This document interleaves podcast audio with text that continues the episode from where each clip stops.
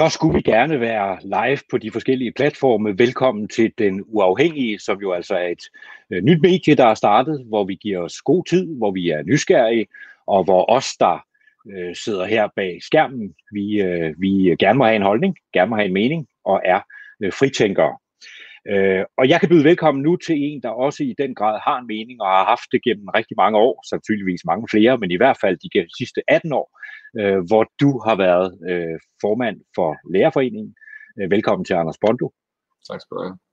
Og grunden til, at du med, er jo selvfølgelig, øh, en ting er, at der jo er kommet en arbejdstidsaftale, og den skal vi selvfølgelig ind på, men det er jo også for at prøve at give os god tid til at prøve at kigge tilbage på de her øh, 18 år, hvor du har været i spidsen for, for folkeskolen, i hvert fald øh, på lærerniveau, øh, og, og prøve at tage en snak om, om den forandring, der har været igennem, for det har jo været, været nogle år.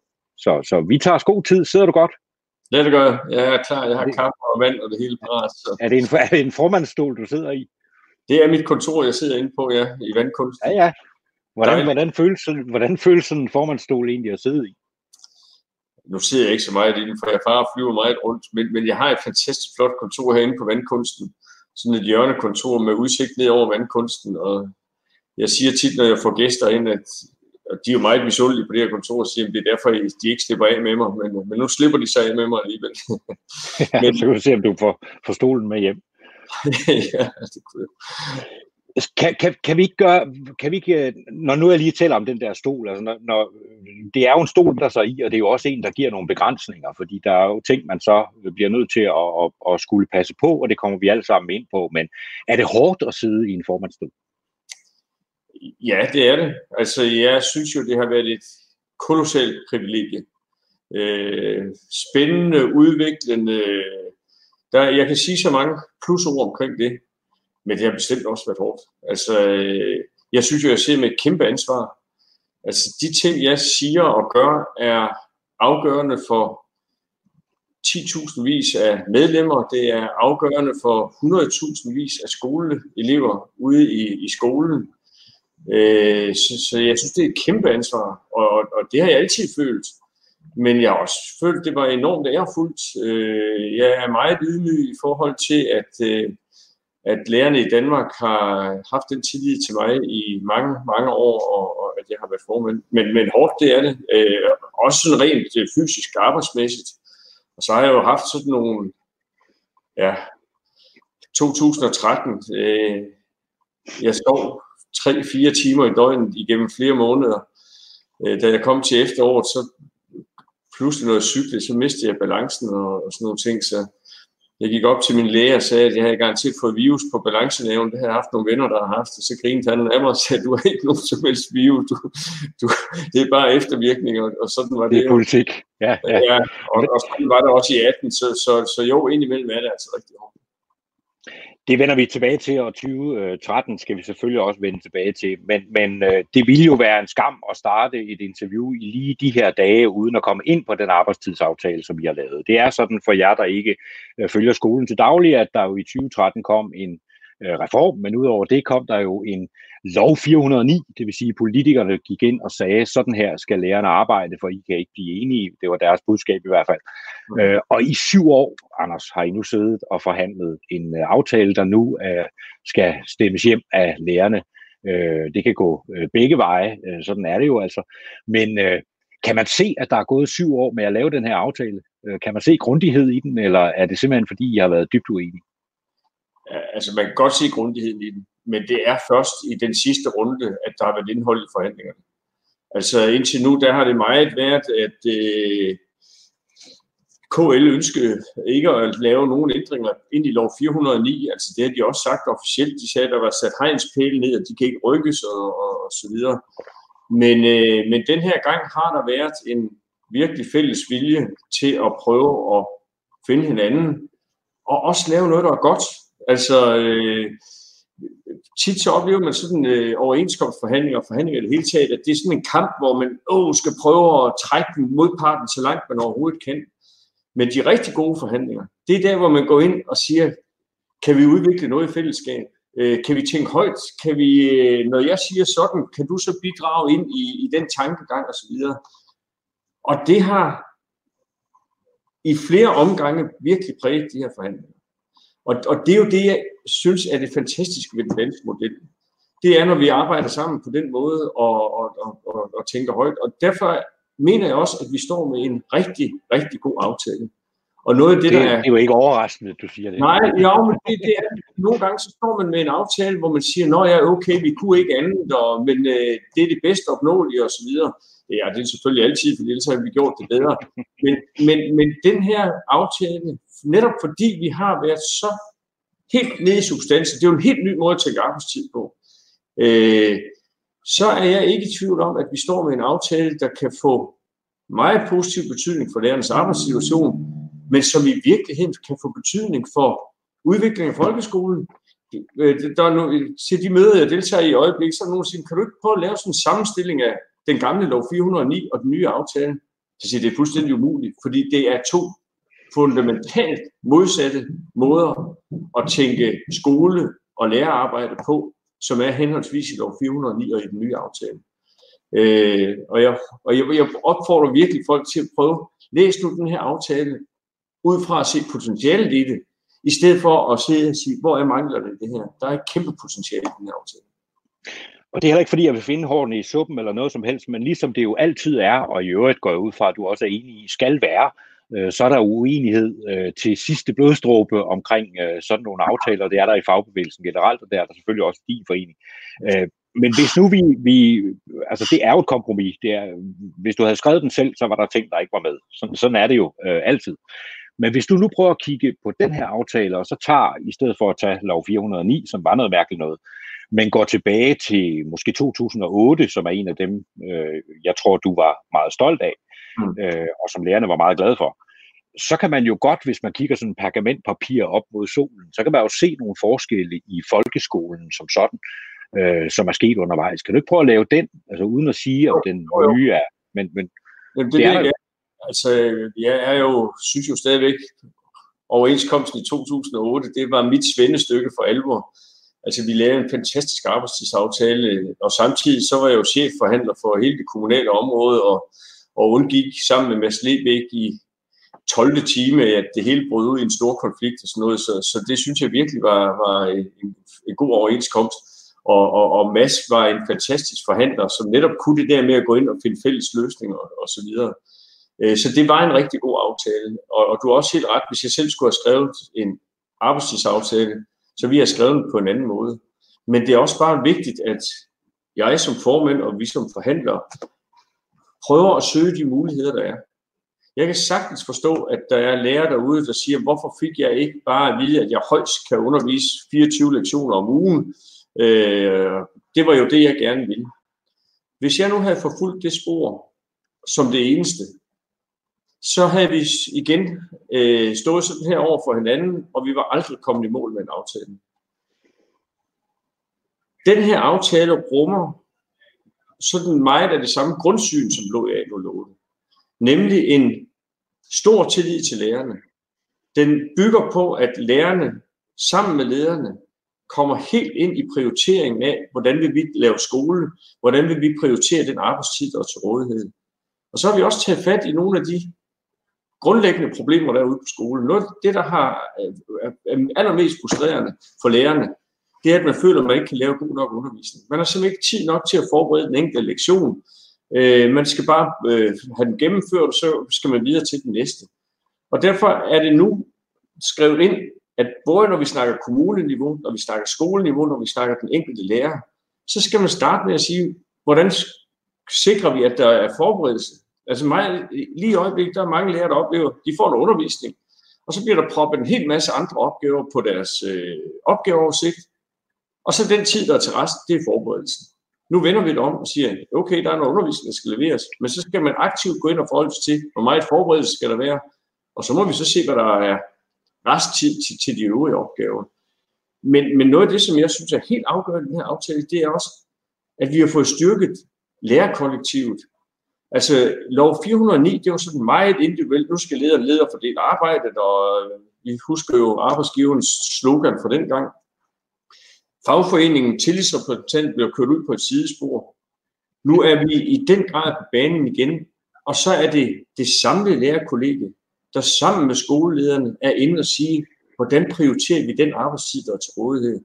Og det at give lærerkollegiet den rolle, det tror jeg er afgørende vigtigt. Altså jeg er jo så gammel, så jeg kan huske, at vi havde et lærerråd på, øh, på alle skoler. Øh, ja. det, vi får ikke lærerrådet, men vi får der tilsvarende virkelig en styrke til, til lærerkollegiet. Og det tror jeg, altså det, det, det, jeg præsenterede det her for nogle lærere, de var jo meget kritiske, da vi begyndte. Men efterhånden, som de hørte om, om muligheden, det, så siger de, jamen det er jo en kulturforandring. Det er jo en helt afgørende kulturforandring, vi får skabt i skolen med den her aftale. Hvis jeg, bare lige sidste spørgsmål i forhold til den her, så skal vi altså til at kigge tilbage og op i helikopter. Men, men man kan sige, noget af det, du har kæmpet for i øvrigt gennem hele forløbet, øh, det har jo været mere frihed, øh, altså mere lokal frihed også. Øh, og nu har det taget jer to, øh, altså dig og Siler og KL ikke, og, og, øh, og, og Lærerforeningen, det har taget jer syv år og egentlig bare kunne finde ud af at snakke sammen. Og nu kan man sige, nu er det jo kommunerne og øh, lederne og lærerne, der skal sidde ude lokalt og drikke noget kaffe og finde ud af at snakke sammen og finde ud af nogle lokale løsninger. Øh, det, er jo, det er jo problemet med frihed for pokker, øh, når man siger, jamen nu øh, må I sætte jer ud, øh, og, og så må I snakke jer lidt på, til rette. Øh, vi kommer ikke med, med sådan nogle fine retningslinjer, som lov 409 jo har rigtig mange af, men vi prøver at sige, nu må I sætte jer ned og prøve at finde ud af det. Hvordan kan det være, at du tror, at de kan finde ud af at snakke sammen? For der er jo lige så mange grøfter derude, som der har været mellem jer. Ja, men der, der er fire elementer i mit svar på det spørgsmål. Jamen, det ene, bare, vi har god tid. Ja, men det ene, øh, det er, at den her aftale, den bygger i høj grad på positive lokale erfaringer. Altså KL og vi var ude på en skole, hvor man havde fået etableret det her samarbejde, og hvor både ledelse og lærer sagde, at kunne vi aldrig drømme om at slippe igen. Altså lærerne var tilfredse, ledelsen siger, at jeg får prioriteret den arbejdstid meget bedre. Jeg har øh, medarbejdernes forståelse og opbakning til de prioriteringer og, og, og så videre. Så har vi haft nogle kommuner inde. Det var så under øh, nedlukningen af samfundet, så de deltog på nogle Skype-møder, hvor de sidder og fortæller om det positive effekt, de har af det samarbejde. Og det vi har en fælles oplevelse af, KL og os, det er, at, at øh, man vil opleve værdien af det her samarbejde, når det bliver etableret. Det er sådan den, den øh, ene tilgang til det. Det andet er, at vi går faktisk ud og præsenterer den her aftale i fællesskab. Udover at vi har lavet aftalen, så har vi også lavet en implementeringsaftale.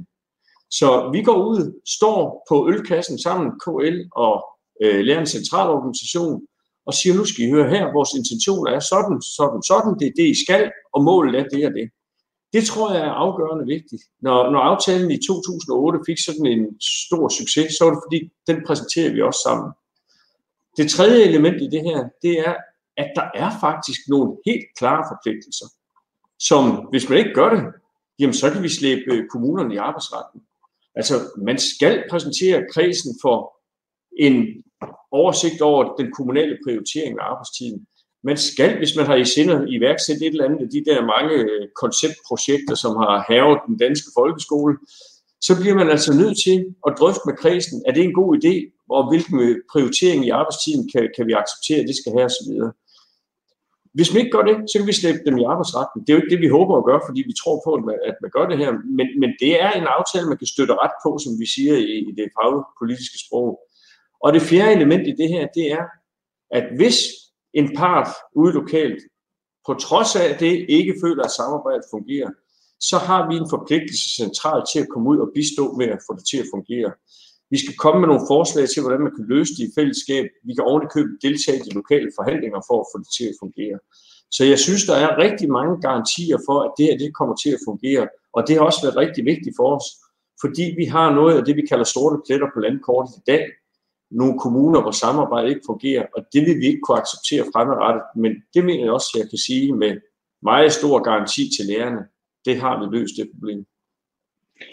Og dermed forlader vi øh, den øh, helt nuværende situation og overlader det til lærerne at stemme om den. Og, og, øh, men man kan jo godt bruge den måske til at forklare noget om, hvordan det er at sidde i den formandstol. Fordi jeg tror ikke, jeg fornærmer nogen ved at sige, at der er ikke mange faggrupper i Danmark, der er så holdningspræget, som lærere er. Altså, de, øh, de går fandme øh, i kamp og for deres helt egne ting, og, og øh, jeg går ud fra, at du også opfatter dig selv som formand for rigtig mange grupper, ikke en flok, men rigtig mange forskellige grupper med forskellige holdninger. Øh, så det er noget, en, en, det er en svær post, du har siddet på i så mange år. Øh, er, det ikke, er det ikke rigtigt set, at, at, at øh, og det er virkelig positivt ment, for jeg mener jo, det er dejligt, når folk har og tør stå, stå ved noget selv, men det er virkelig et øh, debatlystent, øh, debatlystent flok, du har været formand for i, i, i rigtig mange år. Øh, hvordan, ja. hvordan har det i virkeligheden været at skulle være formand og samlende i nogen, der er så, øh, så vidt forskellige? Ja, men det er jo derfor, det er så fantastisk at være formand i Danmarks Lærerforening, fordi vi har jo et medlemsengagement, som få fagforeninger har. Altså tænk, vi holder vores lokale afdelinger, de holder sådan nogle kurser i weekenden, vi kalder det åbne kurser. Der møder 80 lærere op og bruger en weekend på deres fagforeninger og øh, får inspiration både på, til undervisning, men også til de faglige diskussioner. Og jeg har tit været ude til, til sådan nogle møder, og det er en fornøjelse hver eneste gang at, at, at være ude. Øhm, og så er vi faktisk ikke så uenige. Øh, nu har jeg jo været med i rigtig mange år, udover at jeg har været, øh, været formand i 18 år, så var jeg jo inden da lokalformand i 16 år, og jeg sad i hovedstyrelsen i, i, i syv år, før jeg kom ind i, som, i formandsposten. og lige da jeg kom ind i hovedstyrelsen, der var sådan meget, øh, halvdelen af, af lærerne stemte nej til overenskomsterne, og halvdelen stemte ja. Og så var den daværende ledelse, de havde bedt om at få en undersøgelse af, hvad søren er det, der de mener, de her medlemmer. Og jeg husker tydeligt, jeg var lige kommet i hovedstyrelsen, da de fremlagde den rapport.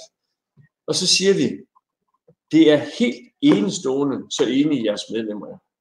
Og vi sagde alle sammen det, at vi var meget sådan to fløje på det tidspunkt, og vi sagde jo og håbede på, at den her undersøgelse kunne bekræfte, at vi havde ret. Men så kommer de og siger, at de, de er utrolig enige, når det drejer sig om, hvad de gerne vil med skolen, og når det drejer sig om, hvad de gerne vil med deres løn og arbejdsvilkår. Når nogen de stemmer nej, og den anden halvdel stemmer ja, så er det meget mere sådan en temperamentsforskel. Altså, der er nogen, de vil kæmpe til sidste blodstråbe, og så er der andre, der siger, at det er ikke den vej, vi skal føre fagpolitik på. Men selve målet, hvor vi vil hen, det var vi rigtig enige om. Og det oplever jeg i høj grad præger øh, den medlemsgruppe. Altså når jeg er ude og prøver at fortælle om visionerne for skolen, vi har lige lavet et, et, et folkeskoleideal, vores bud på et folkeskoleideal sidste år. Det er fantastisk øh, fordi man kaster sig ind i diskussionen. Og jeg ved, at i de lokaler, hvor jeg møder medlemmerne, der sidder der nogen, der stemmer på Dansk Folkeparti, eller der sidder nogen, der stemmer på enhedslisten. Og alligevel så oplever jeg, når vi snakker om professionen, om øh, skolen, så blev vi lærer, fordi vi er dybt engageret i at lave den gode skole. Og lad os nu prøve at kigge på, på de 18 år. Måske er det et meget godt tidspunkt at komme med en disclaimer på, fordi jeg er, øh, jeg er jo sådan set, jeg har været med i den her skoledebat siden 2006, tror jeg.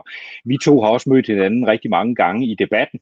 Øh, vi har ikke altid været enige. Øh, jeg tror faktisk første gang, der blev vi nærmest uvenner. Øh, men, øh, men, men det er noget af det skønne i virkeligheden. Det har været øh, den der respekt for uenighed også, og det er jo den, du også øh, taler om nu. Øh, men, men det er bare for, at folk ikke øh, sidder derude og tænker, at han er også selv. Jamen, jeg er øh, skoledebat øh, elskende. Øh, jeg har øh, stor kærlighed til lærerne. Jeg kæmper en stor kamp for nationale test, eller mod nationale test, og har holdt min søn hjemme i seks år. Øh, så, så på den måde, så, så, øh, så, så ved jeg godt, at jeg også mener noget, og det er jo altså meningen her på den uafhængige. Øh, og så må I meget gerne i debatsporet dernede kommentere og komme med kritiske spørgsmål. Jeg skal, det er ikke, fordi jeg ikke kan være kritisk, øh, men, øh, men det er bare sådan, at I ved, øh, hvor, hvor, hvor jeg sådan nogenlunde står. Og med den kærlighed til en folkeskole, øh, vil jeg gerne kigge på de 18 år. Øh, for Anders, du er uddannet som lærer i 80'erne øh, fra, fra Skårup Seminarium på Fyn.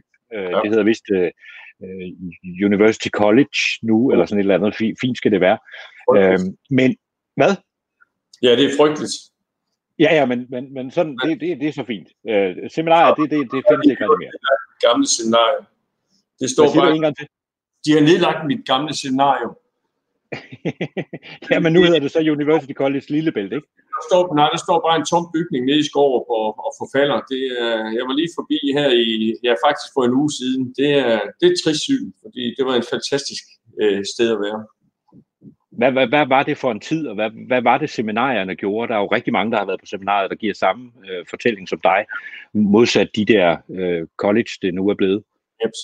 Seminariet, det var et, øh, en kulturinstitution. Øh, det var, der var højt til loftet, dannelse. Øh, vi var også som, som lærerstuderende, altså øh, vi skal ikke bare snakke om børnenes dannelse. For os var det også en dannelsesrejse at være på, på seminariet. Øh, der var masser af kulturelle indslag. Vi havde øh, vi lavede rockopera. Der, der var ikke et folketingsvalg, øh, uden at der var valgmøde på, på Skorup Seminarium. Øh, da, da seminariet havde 200 års jubilæum, der var jeg lige blevet formand i Danmarks Lærerforening. Der var det jo Danmarks næstældste uddannelsesinstitution. Det var kun Københavns Universitet, der, der var ældre. Øh, og, og hvor jeg netop tænkte tilbage på, at det, der havde gjort mig til en lærer, det var jo selvfølgelig den undervisning, jeg havde fået, men det var jo i høj grad alle de ting, der var omkring. Øh, vi gjorde oprør mod den topstyrede ledelse på seminariet, og så begyndte vi at holde store møder inden, og halvdelen af lærerne på uddannelsen, de forlod øh, lærermøderne og deltog i vores møder i stedet for, at det, var, det gav et brav øh, på, på, på seminariet der, og, og Ja, da jeg kom der mange år efter, så kunne man stadigvæk øh, snakke om det, og den gamle rektor, der var gået på pension, da han endelig kom ind til mig og sagde, dag din spektakelmager. så, så, det var en del Men det er ikke, det er en del det er ikke så... god lærer. Ja. ja. Men, men, men, men, og det er jo klart, altså spektakelmager må du næsten have været. Jeg tror, du, du var kun lærer i tre år eller sådan noget inden, øh, nede i Sønderjylland, inden du øh, faktisk begyndte på det faglige arbejde, ikke? Jo, jeg, jeg blev uddannet i 82, der august 82, og jeg blev valgt til Danmarks Lærerforenings kongres 1. Øh, januar 85. Ja. Hvad var det, der trak? Øh, jamen, det, det er sådan, at mit liv er på mange, mange måder en tilfældighed.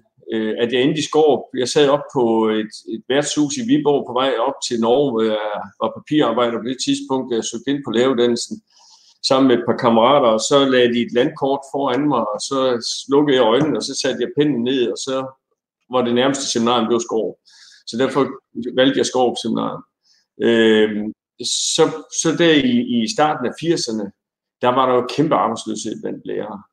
Og jeg kunne lige så godt være havnet på Djursland eller alle mulige andre steder, men, men jeg fik så øh, job på, på Els. og der var rigtig mange, som sagt, arbejdsløse lærere, løst ansatte lærere. Og øh, så har jeg altid sagt, at vi skal, vi skal opføre os ordentligt, og vi skal passe på hinanden. Så jeg fik ret hurtigt taget initiativ til at organisere alle de løst ansatte lærere i, i de seks kommuner, den lokale afdeling af Danmarks Lærerforening dækkede den lokale afdeling blev meget nervøs. Hvad er det nu, der sker? Og må vi sende en observant og sådan noget? Men vi holdt faktisk møde en gang om ugen, fuldstændig systematisk, øh, hvor vi snakkede om dagpengesystemer og så videre. Og så mente de der bestemt, eller vi var enige om, at vi skulle ind i den der lokale krigsstyrelse.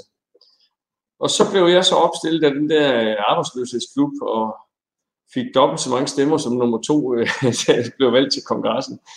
Øh, ja, og så skete der det, at, at uh, to år efter, lige umiddelbart før generalforsamlingen, så siger formanden, at uh, hun har været formand i 17 år.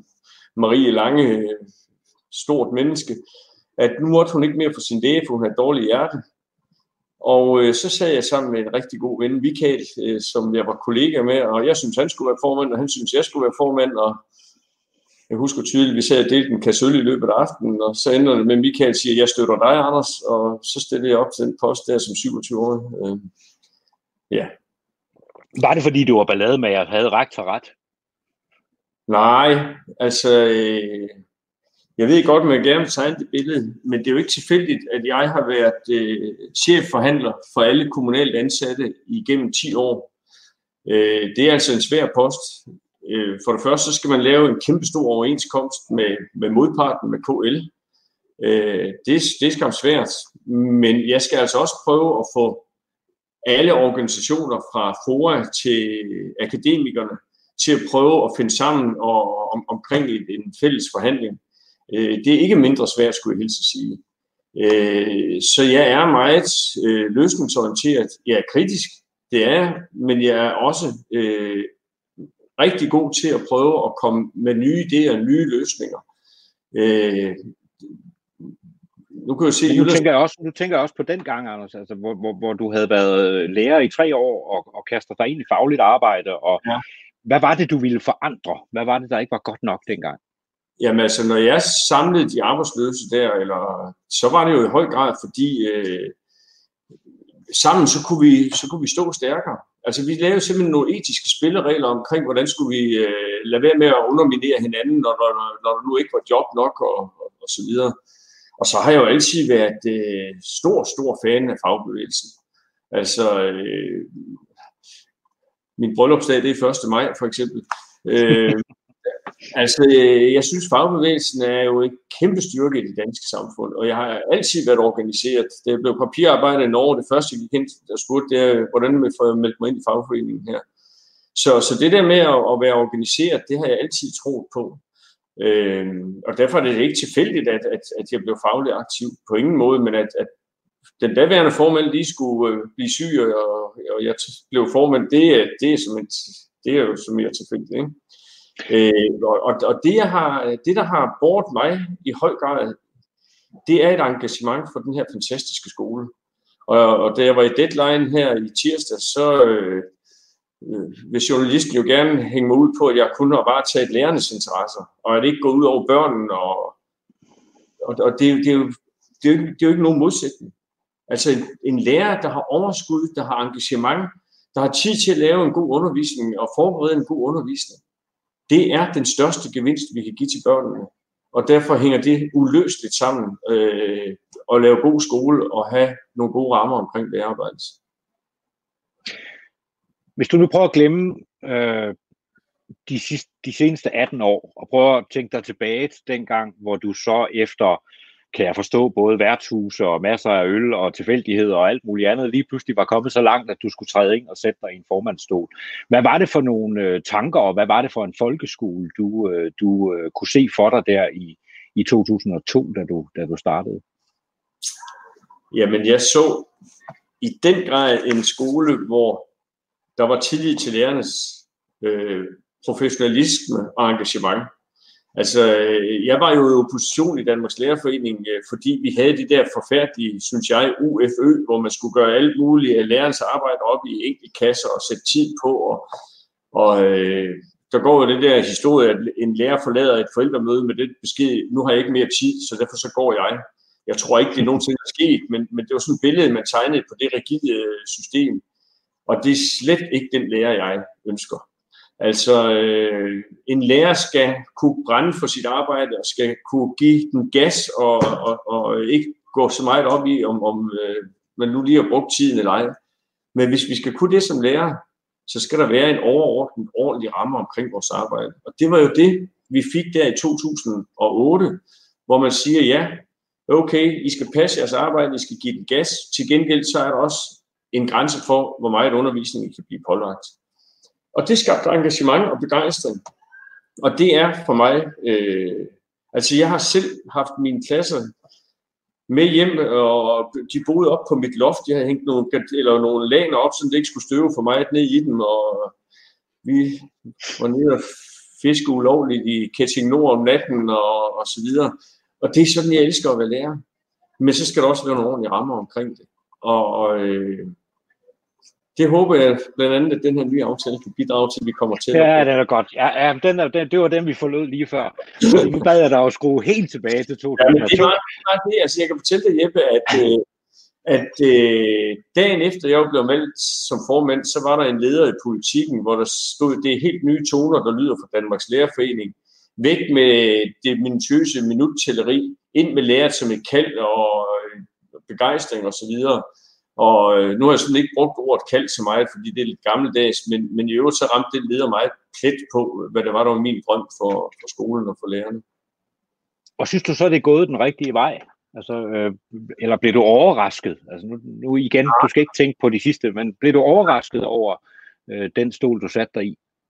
Nej, det gjorde jeg ikke, for jeg har også siddet i hovedstyrelsen i, i syv år, sådan noget, men, men det er klart, det er noget helt andet pludselig at være formand og have, have et stort sekretariat osv., men, øh, men jeg er en flittig mand. Øh, jeg, jeg arbejder meget, og jeg vidste godt, der lå en kæmpe indsats. Jeg har altid sagt i alle øh, den, i den her periode, hvis I vælger mig som formand, så kommer der ikke en ind med et blankt stykke papir og hører, hvad, hvad vil I have, jeg skal gøre? Altså, jeg har noget, jeg vil, og det er derfor, jeg blev valgt, og det har jeg prøvet at være meget ærlig om at, at fremlægge. Og hvis, så længe I synes, det er det rigtige, så skal I vælge mig som formand. Og hvis I ikke synes, det er det rigtige, så vælg for alt i verden en anden. Øh, så, så, så, så der var ingen, der var i tvivl om, hvem eller hvad det var, de havde valgt den der gang. Og så tog jeg simpelthen rundt i landet til et hav af tillidsmandsmøder og medlemsmøder og prøvede at fortælle, hvad er det, jeg synes, der er rigtigt. Og der var der en hel del tillidsrepræsentanter, der satte sig sådan her og syntes, at det var da noget frygteligt noget. Og, men, men det er jo også en del af det at være leder, det er at skabe begejstring og, og, og så videre. Og det synes jeg hurtigt lykkes. Og, og, og den der splittelse, der havde været i foreningen, den forduftede, og der var en enorm sammenhold. Og så havde jeg den kæmpe glæde, at på det tidspunkt, der var det Ejgil W. Rasmussen fra Gedved, der var formand for KL. Og Ejgil og jeg, vi fik lynhurtigt et fantastisk godt samarbejde. Han var venstremand, og jeg afslører nok ikke noget ved at sige, at jeg ikke har stemt på venstre ret mange gange. Øh, Nej, det gør du ikke. Øh, men Ejgil og jeg, der var en kanon god kemi mellem os. Ejgil, han var grundvigianer, og øh, der var virkelig en sammenklang. Og øh, han inviterede ind til et samarbejde om at prøve at skabe et, et bedre øh, ja, dialog og snak omkring folkeskolen. Og vi rejste rundt sammen, vi to, på nogle møder, hvor vi havde inviteret kommunaldirektører og politikere og så videre. Øh, det var nogle fantastiske møder. Så det var en, en, en fantastisk positiv start, jeg fik. Og så tog det noget tid for at få hele det der øh, embedsmandsværk og regnedrengene til at give slip på det gamle system og, og ville noget nyt. Og det lykkedes så i, i øh, der 2008. Og det var ja. en kurve, der, der, der gik op af. Altså, det, men det var også den gang, hvor, øh, jeg ved ikke, om du kan huske, i øh, politikken, der var der en kronik. Det var ti, tidligere embedsmænd i Finansministeriet, der skrev, tilgiv os, til vi vidste ikke, hvad vi gjorde. Det var et, at have et opgør med, med hele New Public Management-tankegangen. Ja, det var noget senere, der ikke? Nej, det var 2008. Så kom, det, ja. ja, på nogle områder har jeg en ekstrem hukommelse, kan jeg fortælle. Den er i hvert fald bedre end min. Det er fint. Men, men så var det jo, der kom øh, den økonomiske krise, og så kom styringsfilosofien bare ind over igen med 180 km i timen. Øh, og det gik jo da helt galt, da Korridor satte sig i Finansministeriets stol. Ja, den vender vi så tilbage til. Men, ja, men, men kan man ikke også sige efter... efter nej, undskyld. Nå, nej, men det, det, Altså jeg vil sige, op, op mod, mod 8, der, der, der var, jeg synes virkelig, der, der var en positiv udvikling. Øh, og det er der heldigvis sket igen, men, men det har været nogle voldsomme bølger i, i de 18 år. Ja, fordi det er jo lige præcis tiden efter, efter 18, eller efter 8, undskyld, at det begynder at øh, forandre sig, ikke? Øh, og det er igen, som jeg ser det, og husk nu disclaimeren øh, øh, til jer, der sidder derude, men som jeg ser det, så begyndte man med, øh, man begyndte jo med PISA, man begyndte med test, man begynder med, med flere og flere mål, og man begynder politisk at tale lærere eller folkeskolen jo som sådan ned. Øh, man begynder at sige, at I sad bare i rundkreds hele tiden. Øh, PISA-testene viste, at næsten alle danske elever var jo funktionelle analfabeter, og det hele var helt af helvede til. Der kom en dokumentar, der sammenlignede 9. klasse i Danmark med en i, i Kina, hvor Kina vist nok øh, var bedre til at regne. Øh, de danske elever var bedre til at regne den ud, men det var sådan noget helt andet. Øh, alt det her til sammen, som jeg ser det, og det, det må have været mærkeligt at sidde øh, på formandstolen på det tidspunkt, men som jeg ser det, så begyndte forældrene jo langsomt der at blive bange for, øh, om det var godt nok, det de bød deres børn, og der kom en helt anden stemning omkring folkeskolen. Kan du ikke prøve at beskrive fra 08 og frem, jeg ved ikke, om du er enig med mig i alt det her, men, men, men, og det er der sikkert mange, der ikke er, men fra 08 og så frem til, til, til, til 13, som vi altså vender tilbage til, hvor reformen kom. Jo, men det begynder faktisk tidligere. Fordi det, du har med de nationale test og så videre, det kom før 08. Ja, det, var, det, det er rigtig Vestager. Og, og, og, ja. Jeg sidder og skriver på en kronik til politikken, og jeg håber, jeg får tid til at få den gjort færdig. Det har jeg gjort i lang tid efterhånden. Øh, men, men det, der jo man kan sige, der sker, det er, at det er, øh, vi har en, en nordisk øh, uddannelsestradition i Danmark meget inspireret stadigvæk af Grundtvig og Kold og Løstrup ja, ja. Og, og så videre. her om bagved. Ja, det kan jeg se. Øhm, men, men, men det er en helt særlig uddannelsestradition, som man i øvrigt misunder og misunder os i, i rigtig mange lande. Men så var det jo, at uddannelsespolitikken gik fra undervisningsministeriet og over i beskæftigelses- og økonomiministeriet. OECD fik uddannelse, undervisning som et af deres hovedemner, altså en økonomisk organisation. Øh, en stor del af det, man kalder uddannelsesforskning i Danmark i dag, det bliver bedrevet af økonomer, og ikke af nogen, som har en, en, øh, en pædagogisk øh, grundfaglig uddannelse. Øh, og det skred der, det betyder, at vi gik fra den nordiske skoletradition mere og mere over i den angelsaksiske skoletradition. Øh, det, er, det er også meget afdækket. Der er blandt andet en finsk forsker, der hedder Pasi Salberg, der har, øh, har beskrevet det øh, meget grundigt. Øh, og det vil sige, at nu bliver det pludselig styring, effektivitet osv. Og det er jo derfor, vi skulle have nationale test. Lærer eleverne noget? At, altså, at, at de der test ikke viser noget som helst om, hvad, hvad, om eleverne er blevet dygtige eller ej. Jo, til den der lille bitte del, der bliver testet, som man ikke engang rigtig ved, om er relevant. Men, men det bredte sig jo som en løbeild, ikke bare i Danmark, men over hele verden. Og for at kunne komme igennem med den ændring, så blev man nødt til at skabe en brændende platform. Og derfor var det, at man fik historien om, hvor skidt det gik. Øh, jeg, jeg kan fortælle rigtig meget omkring det. Øh, men jeg kan huske, at Bertel Hårder så var kommet igennem med sin reform. Øh, så var han jo godt klar over, at man havde taget skolen og lærerne ned og det havde nogle omkostninger. Og så havde han også en artikel i politik, hvor han sagde, nej, nu, nu må vi tale skolen op. Ja tak. Først man havde i flere år talt den ned, så kommer man igennem sin øh, reform, og så tænker man, nu kan vi lige tale skolen op. Så enkelt er det ikke, og der har du fuldstændig ret, at man øh, fik øh, tegnet et billede, helt skævt billede af, at, at vi havde en skole, der lå i ruiner. Øh, det er jo bemærkelsesværdigt, at vi stadigvæk er et af de rigeste lande i hele verden, og øh, vi har en af de bedst uddannede befolkninger, og laveste ungdomsarbejdsløshed osv. Og det er fordi, vi kan noget helt særligt i, i, i den danske skoletradition. Men hvad, hvad, hvad tror du, der skete? Altså en ting er, at det jo var en væksttid. Alt handlede om vækst. Ja. Og vækst er jo meget, det er jo meget øh, i virkeligheden nemt at være politiker i en væksttid, for hvis noget det er galt, så må vi bare ansætte nogle flere, og så, sådan noget der, ikke? Øh, så, så der kan man kigge meget på tal. Og det er jo ikke kun, nu nævnte du Bertel Hårder, og det er så fordi, du ikke lige stemmer på Venstre, men der var jo altså, det var jo hele vejen rundt, ikke? Det var jo også øh, Socialdemokraterne i høj grad, ikke? Det var, øh, det, det var faktisk et bredt politisk billede, der kiggede på den folkeskole og sagde, nu vil vi noget fuldstændig andet. Øh, og igen, jeg er ikke ved 2013, jeg er i tiden op til, øh, Anders. Ja, men, men det var fordi, at det var økonomerne, der overtog skolen. Og det var et helt internationalt trend, der, der, der, der skete. Altså, øh, Pasi Sandberg, den finske forsker, jeg nævnte før, han har, øh, han har kaldt det The General G-E-N, The Germ kalder han det i hvert fald. Altså en forkortelse af den der øh, generelle bevægelse, der skete over hele verden. Og den har han øh, kortlagt og analyseret, og så har han i øvrigt også kunne vise, at dem, der fulgte den bevægelse, de har ikke nået nogen som helst positive resultater.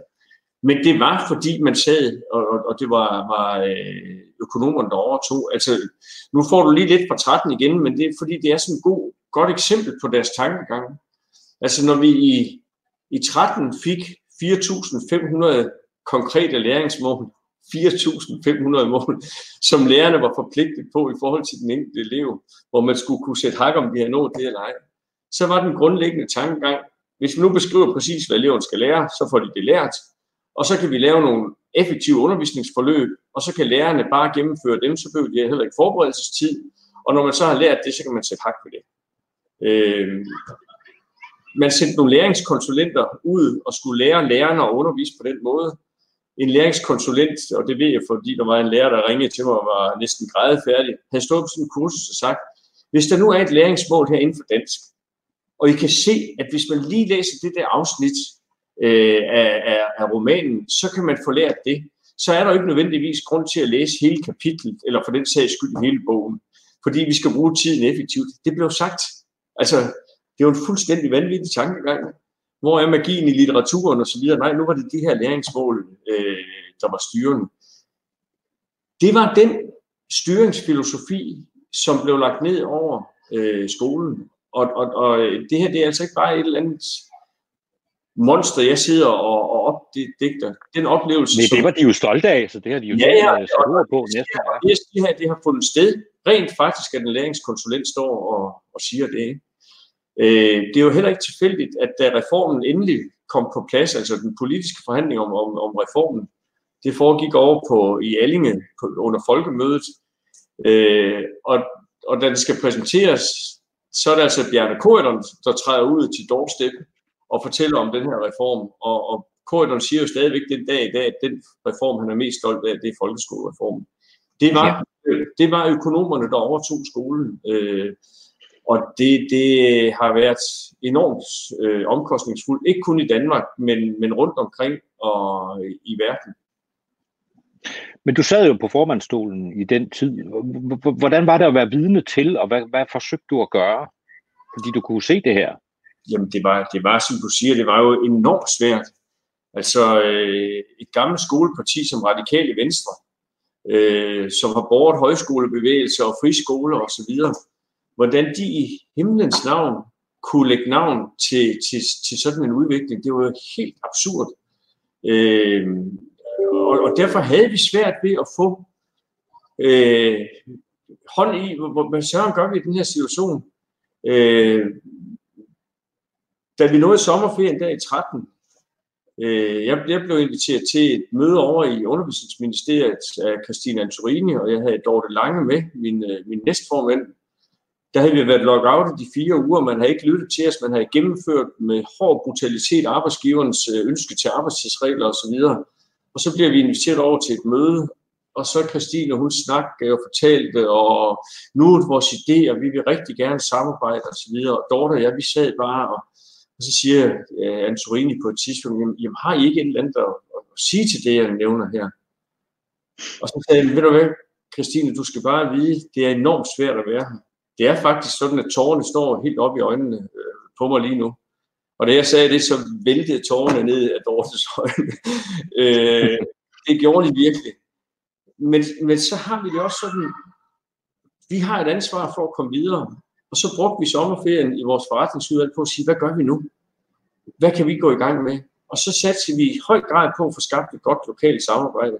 Men vi gjorde faktisk også det, at vi i efteråret, efteråret 13, sendte et brev til KL og siger, skulle vi ikke etablere et samarbejde? Jeg har lige fundet det frem her, fordi jeg skal bruge det i anden sammenhæng. Øh, det vil KL så ikke, men, men vi har prøvet at insistere på at, at få samarbejdet til at fungere igen, og det var der mange af vores medlemmer, der var frustreret over. Altså, hvad fanden bilder I ind? Nu har de trumlet os ned, og så øh, rækker I hånden frem til et samarbejde. Men jeg har en klog storebror, der engang sagde til mig, den, der rækker hånden frem, er den stærkeste. Og, og, og det, var, det var sådan set det, vi prøvede. Og her syv år efter, så synes jeg også, vi begynder at få, få succes med det. Men nu er vi jo kommet frem til 13, ikke? Og, og, og øh, det, det kunne vi jo i virkeligheden godt tage to timer om, hvis det skulle være. Det har vi ikke. Men, men øh, og det er ikke fordi, der ikke er tid her på den uafhængige, hvor du i øvrigt øh, ser lige nu. Øh, velkommen til eventuelt nye seere, et nyt medie, hvor øh, vi alle sammen øh, giver god tid til hinanden og spørger forhåbentlig nysgerrigt ind øh, til gæsterne. Og øh, den øh, person, I kan se her til højre, går jeg ud fra, at det må være, at det er lidt svært i de her digitale tider. Øh, det er Anders Bondo, øh, som er afgående formand for øh, Lærerforeningen et ord, der sandsynligvis er svært at vende sig til, når man har siddet der i 18 år. Og vi er nået frem til skolereformen og til lockouten i øh, 2013. Øh, øh, for jer, der ikke følger skolepolitik, så kan man sige, at der er jo to forskellige ting, der skete i 13. Der kom en reform, og så var der en, en, øh, en arbejdstidsaftale, som, som gik fløjten, og begge dele skete så øh, på samme tid. Og, og vi kan jo godt tage den lidt under et, øh, fordi du var jo altså formand i en periode der, som er som må, have været historisk svær. Det var i hvert fald øh, skolepolitisk historie, der blev skrevet i 2013. Kan du ikke prøve at beskrive øh, 2013 som formand? Jo, men, men øh, jeg vil også godt sige, at de hang uløseligt sammen, de to ting. For der står direkte i det oplæg til skolereformen, at finansieringen af den, det var ændringer af lærernes arbejdstid. Så man havde simpelthen ikke kunne lave reformen, hvis man ikke havde trummet også ned der. Så, så på den måde hang de uløseligt sammen. Øh, det har jo efterfølgende vist sig, at allerede i efteråret 2012, jeg tror det er oktober eller sådan noget, der henvendte øh, daværende statsminister Helle thorning Schmidt sig til øh, Christian Thulesen Dahl og spurgte, om, øh, om hun kunne regne med Dansk Folkeparti støtte ved et lovindgreb i, i forhold til lærernes overenskomst. Der havde vi end ikke udvekslet kravene endnu. Altså på allerede, allerede på det tidspunkt er statsministeren ude og hente opbakning i opposition til et eventuelt lovindgreb. Øh, Og derfor kom der aldrig nogensinde nogen forhandling. Altså jeg var, det var KL, der opsagde aftalen. Vi fik et stykke papir fra KL. Det, det gjorde, vi havde første forhandlingsmøde i december. Overenskomsterne skal være indgået inden, 31, eller inden øh, udgangen af februar. Hmm. Første gang, vi fik et stykke papir fra KL, det var 14 dage før forhandlingerne skulle være afsluttet. Der var et forhandlingsmøde, hvor jeg deltog med Michael Siler. Vi var i samme lokale i under tre kvarter. Så blev vi sendt hjem for at lave noget skriftligt, og det næste, jeg oplevede, det var, at Michael ringer og siger, at øh, forhandlingerne er brudt sammen. Øh, og så, op, så øh, dagen efter, så sidder ledelsen i, i øh, KL, toner frem på skærmen og siger, vi har valgt at logge out lærerne. Det er et meget dramatisk skridt, men vi bliver nødt til at logge out for at tvinge LC tilbage til forhandlingsbordet. Altså, det var fuldstændig absurd. Øh, vi havde kommet med forslag, som KL aldrig havde reflekteret på osv. Så kommer vi i forlisinstitutionen. Øh, de kom med intet i forlisinstitutionen. På et eller andet tidspunkt, så øh, havde vi siddet op i vores øh, lokale i fire timer. Vi har ikke hørt noget som helst. Og sådan en forlismand kan godt bruge det at, at hænge folk lidt til tørre og gøre den møre og sådan noget. Så det vi tænkte, om det er nok det, der sker. Jeg tror, vi har det fødselsdag, vi sender. Så bliver vi endelig kaldt ned, og så øh, siger Mette Christensen til mig, Anders, jeg har brugt fire timer på at snakke med arbejdsgiverne, om de ikke kan ændre bare et komma i det, de har, har komme med. Jeg, jeg har stillet dem nogle forslag, jeg tror slet ikke, du ville kunne acceptere det, men jeg skulle bare se, om, om, om vi ikke kunne rykke et eller andet. Det må jeg konstatere, det kan vi ikke. Du bliver nødt til at skrive under på det her, hvis vi skal lande en aftale. Og så sagde jeg til Mette, jamen, jamen Mette, det, det kan jeg da ikke. Så, så kiggede hun sådan op på mig. Jeg, jeg kan tydeligt huske, at jeg stod op, og Mette sad i sin stol og siger, det kan du da godt, Anders. Så skal du bare ud og undervise. Øh, og det har hun fuldstændig ret i, fordi så ville jeg blevet fyret som formand øjeblikkeligt, hvis det var sket det hele, det var timet så anlagt, og det er også der Tulsendal to dage inde i lockouten siger øh, på TV2, se nu at komme med det lovindgreb, I har jo det hele planlagt, hvorfor trækker I det her i langdrag? Øh, men ideen var selvfølgelig at prøve at tømme vores strækkekasse og tvinge os til at skrive under på det her, fordi så havde vi accepteret det. Det gjorde vi ikke, og, og, og derfor har vi også haft en mulighed for at, at, at kunne lave en ny aftale, som, ja, men, men der er jo skrevet bøger og lavet masser af journalistik om, om, om, om hele den der periode der, men, men de gjorde jo de her ting, og jeg tror nok, det, man må sige, det er dokumenteret, at det er, som du sagde. Øh, man gjorde de ting på en bund af netop PISA og utryghed og, og øh, lærer i rundkreds og bekymrede forældre og alt muligt andet. Så det var ikke fordi, du var vanvittigt populær. Nej, altså jeg har da været meget mere populær hos politikerne, hvis jeg havde klappet hælene sammen og synes alt, de var kommet med, var godt. Men jeg har haft det grundprincip i hele min formandsperiode, at vi kan simpelthen ikke holde til som profession at begynde at gå på kompromis med, med det, vi ved omkring god undervisning til eleverne.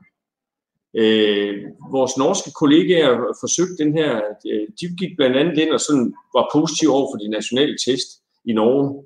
Og så viste det sig, at de var lige så elendige, som de var i Danmark. Og pludselig så stod den norske lærerforening og ligesom her manglede, hvor, hvor var deres professionelle respekt henne? Som jeg også sagde i deadline her den anden aften. Altså forestil jer engang, at en læge begyndte at sige, nå ja, men så accepterer vi, politikerne vil gerne have en dårligere behandlingsform. Jeg ved, det ikke virker. Jeg ved, det er skadeligt, men, men vi må hellere prøve at være positive og acceptere det hvis, hvis du går ind på den galej, så mister du øh, respekten for professionen. Til gengæld, så har vi også gjort det, at vi har sagt, vi kan ikke sige nej til noget, uden at komme med et konstruktivt alternativ. Og vi var helt enige i, at der var en udfordring i, at der var for mange elever, der forlod skolen som dårlige læsere. Det er jo den, man har hørt igen og igen og igen, og man kunne simpelthen stadigvæk sige det, fordi der ikke skete, undskyld mig, en hudende fis på det område øh, igennem de 20 år. Så lavede vi et stort projekt, indhent, samlet alt ekspertise for læsningen i Danmark. Læsekonsulenternes formænd, professor, professorer fra universiteter og, og, og, og så videre. Og så sagde vi, hvis vi nu skal prøve at lave noget, der virkelig forbedrer læseundervisningen, så hvad skal vi så gøre? Og så fik vi noget inspiration til et projekt, som vi kaldte Vi læser for livet, det begreb, der hedder faglig læsning, der var helt grundkernen i det. Og så brugte vi 5 millioner af foreningsmedlemmernes penge på at prøve at rulle det her projekt ud. Det gav pote, det gjorde en forskel, og det er jo den måde, vi gerne vil udvikle skolen på. Bruge den viden, vi har til, hvad skal der til, i stedet for at vi får nogle ideologisk, populistisk øh, idéer, og som man så bare ruller ud over skolen. Øh, og, og der ser jeg virkelig, at der er ved at ske en, en ændring. Og den er kommet stille og roligt. Ellen Trane Nørby som minister var den første, som oven på, på det, der skete i 13, siger, at vi bliver nødt til at tænke på et bedre samarbejde. Øh, Merete Risager fik fjernet tusindvis af de der 4.000 mål. Øh, ja. Jeg har et fantastisk godt samarbejde med, med den nuværende minister. Øh, vi har været ude og besøge alle vores lokaler, eller en række lokalafdelinger, jeg tror vi havde syv eller otte møder ude i landet, hvor Pernille rosenkrantz teil virkelig lyttede. Hun kom ikke og sagde, nu skal I høre, jeg vil sådan og sådan. Nej, Pernille kom ud for at lytte, hvad er det, der, der trykker, hvad er det, I ved.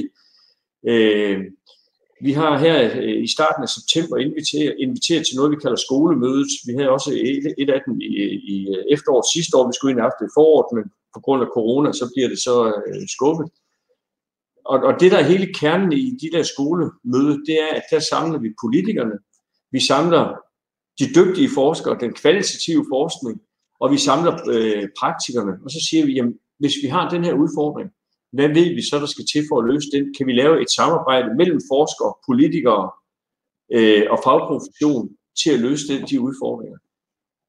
Jeg tror på, at vi er på vej ind i den måde at udvikle skolen på, og det vil være rigtig, rigtig lykkeligt, hvis vi er det. Og corona har jo også ovenikøbet gjort, at selv Pernille rosenkrantz Tejl lige pludselig taler om, at skoledagen også kan blive for lang. Der, der sker ting og sager, om det vender vi lige tilbage til.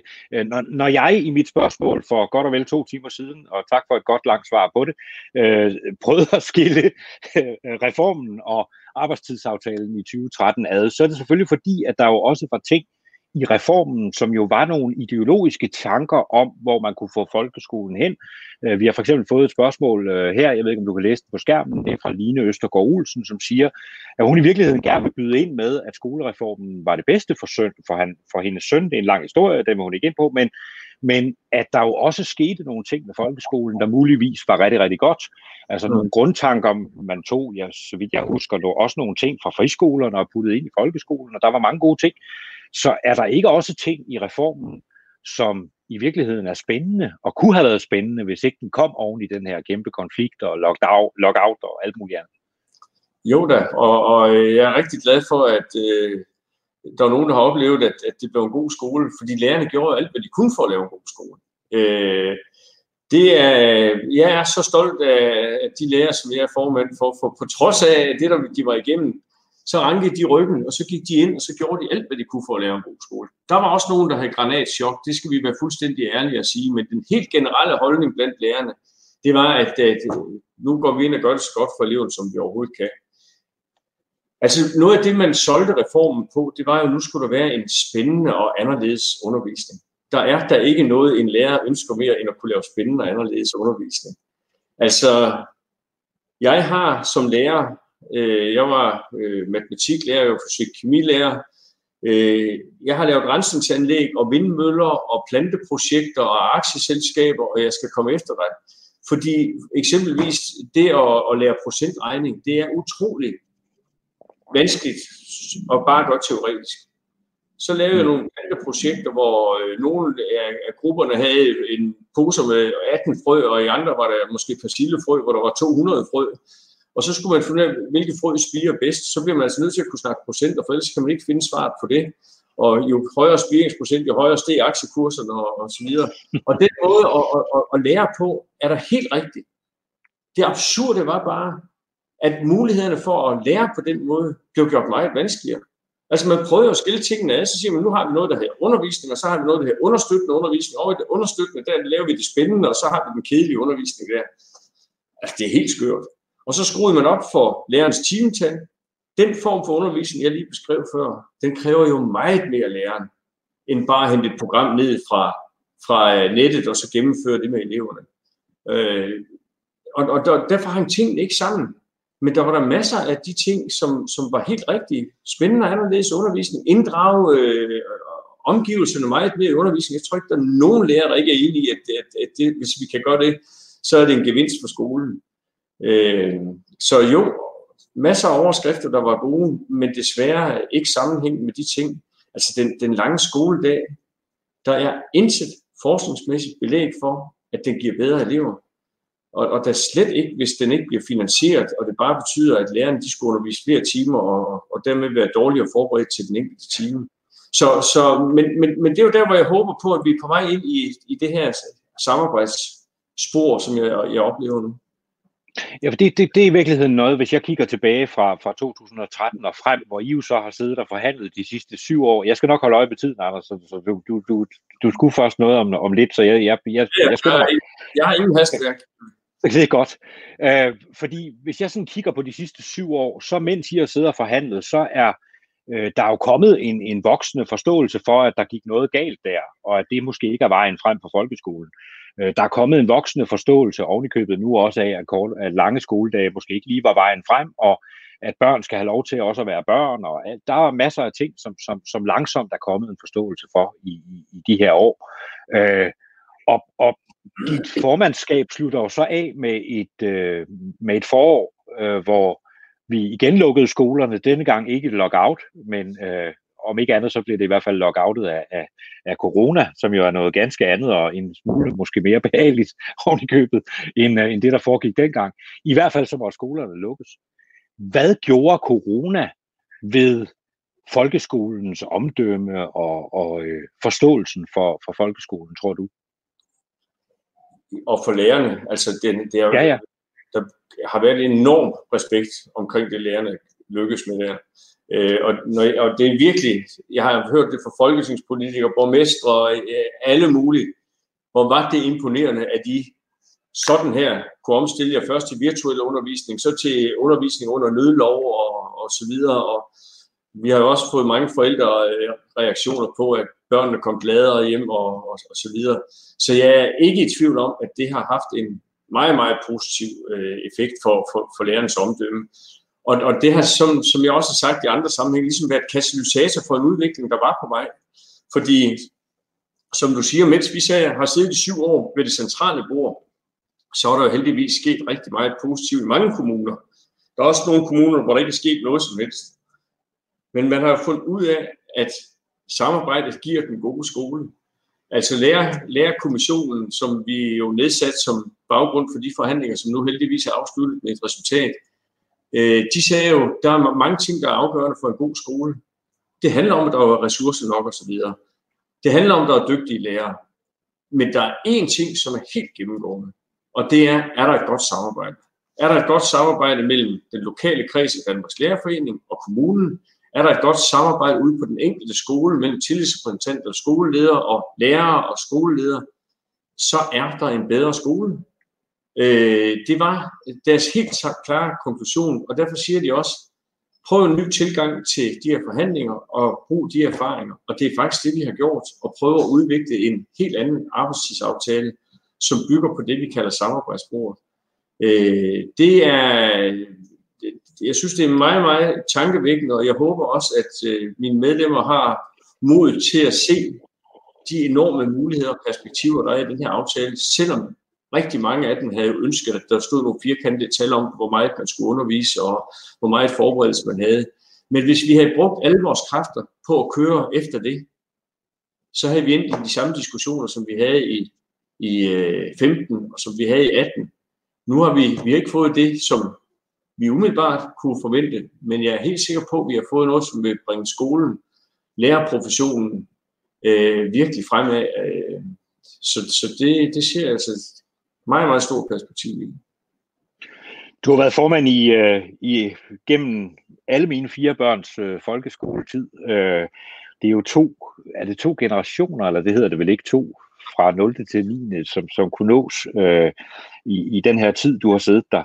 Øh, og i coronaen, der var det jo sådan, at forældrene også lige pludselig selv skulle undervise, og det kommer der fandme respekt ud af, fordi det var ikke nemt øh, at finde ud af, hvor dårlig man i virkeligheden var til matematik. Øh, så, så tror du, hvis vi går en lille smule fremad, tror du så i virkeligheden, at denne her tid og øh, de tendenser og balancer, der stille og roligt er gået i gang i en fælles forståelse. Tror, tror du, at du kommer til at overlade en formandsstol, der bliver lettere at sidde i til den næste? Det håber jeg virkelig. Altså jeg synes virkelig, der er tegn i stjerner, sol og måne. Øh, og det kan da også sådan være, øh, nu ved jeg, at jeg skal gå, men jeg kunne da næsten, nej, det kunne være spændende med, med de nye muligheder, der er, og, og, og tage en, en runde mere. Men, men jeg, er jo, jeg, jeg er jo rigtig glad for, at den der kommer, øh, kan starte op i, i det klima, i det samarbejdsånd, der er lige nu. Og så skal vi blive ved med at tænke i, hvordan laver vi den gode skole. Altså i morgen formiddag, der skal jeg ud og, og, deltage i de lærerstuderendes øh, årsmøde. De har et ekstraordinært årsmøde, hvor de vil prøve at snakke om, hvordan ser de fremtidens læreruddannelse. Og, og jeg vil prøve at argumentere for, at alt det, vi oplever nu, hvis vi skal kunne løfte det, så skal vi have nogle endnu dygtigere lærere. Øh, jeg misunder den finske læreruddannelse. Den er meget praksisnær, men den er samtidig på et rigtig højt niveau. Det er en femårig kandidatuddannelse, men som virkelig tager udgangspunkt i, hvordan underviser man ude i klasselokalet. Der står en respekt om de finske lærere. Det er sådan i Finland, der kan en, en lærer undervise ude i klasselokalet. Man kan have en del af sin arbejdstid som forsker, og man kan undervise på læreruddannelsen. Øh, for mig er det et fremtidsscenarie, som kunne gøre, at vi yderligere kunne styrke øh, skolen og, og, og, og lærerprofessionen. Og, og det er jo noget af det, vi skal arbejde videre med, eller som jeg håber, Danmarks Lærerforening, som jeg håber, Danmarks Lærerforening vil, vil arbejde videre med. Så, så selvom vi kan se, at, at uh, der blæser nogle, nogle andre langt mere positive vinde, så har vi også masser af ting, som, uh, som vi skal have bragt i, i søen for at, at kunne gøre det endnu bedre. Et par hurtige spørgsmål fra folk her. Øh, Michael Vandel skriver, hvad har været din største sejr, og hvad har været det sværeste at måtte acceptere? Øh, jamen altså sådan den helt konkrete største sejr, det var øh, den fantastiske overenskomst, vi lavede i 8. Altså, hvis jeg havde været klog, så havde jeg gået på det tidspunkt, som jeg gået på toppen. Øh, nej, så, sådan skal man ikke tænke det. Men, men det er faktisk, synes jeg, næsten lige så stor en sejr, at vi er kommet i mål med en ny aftale. At vi har fået vendt udviklingen, og vi har fået, fået øh, lavet, fået skabt det her samarbejdsspor igen. Og det, der har, har været øh, sværest for mig, jamen, der er ingen tvivl om, at øh, der var nogle måneder, øh, et halvt år, øh, det sidste halve år af 2013, det var uendelig svært. Altså, det var... Øh, jeg stod i den der situation og tænkte, skal jeg ikke bare smide det hele og, og rende min vej, fordi øh, det her, det, det orker jeg ikke.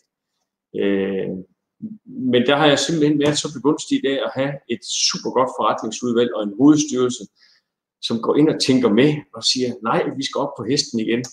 Men, men det var rigtig svært. At, det, det fører mig faktisk frem til et andet tweet fra, fra Michael også her, som skriver, har du ikke nogensinde overvejet bare at smide det hele, uh, især efter den sidste skolereform uh, blev trukket ned over hovedet på lærerne?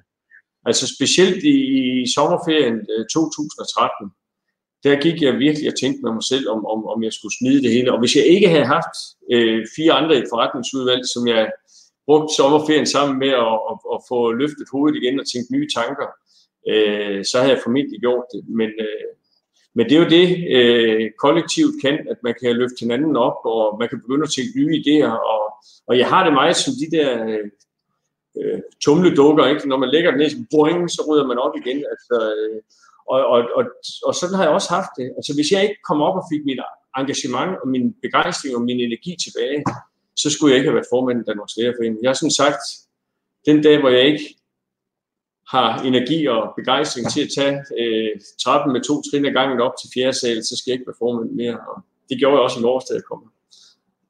Og den der tumledukke, hvad så med fremtiden? Du er, så vidt jeg husker, medstifter af en løbeklub eller sådan et eller andet. Øh, øh, for, for en 20 år siden, du startede den. Øh, er det der, du skal lægge dine kræfter nu, eller kommer vi til at høre på dig indimellem i anden sammenhæng? Der skal jeg i hvert fald også lægge en masse kræfter. Det er verdens bedste og mest specielle løbeklub.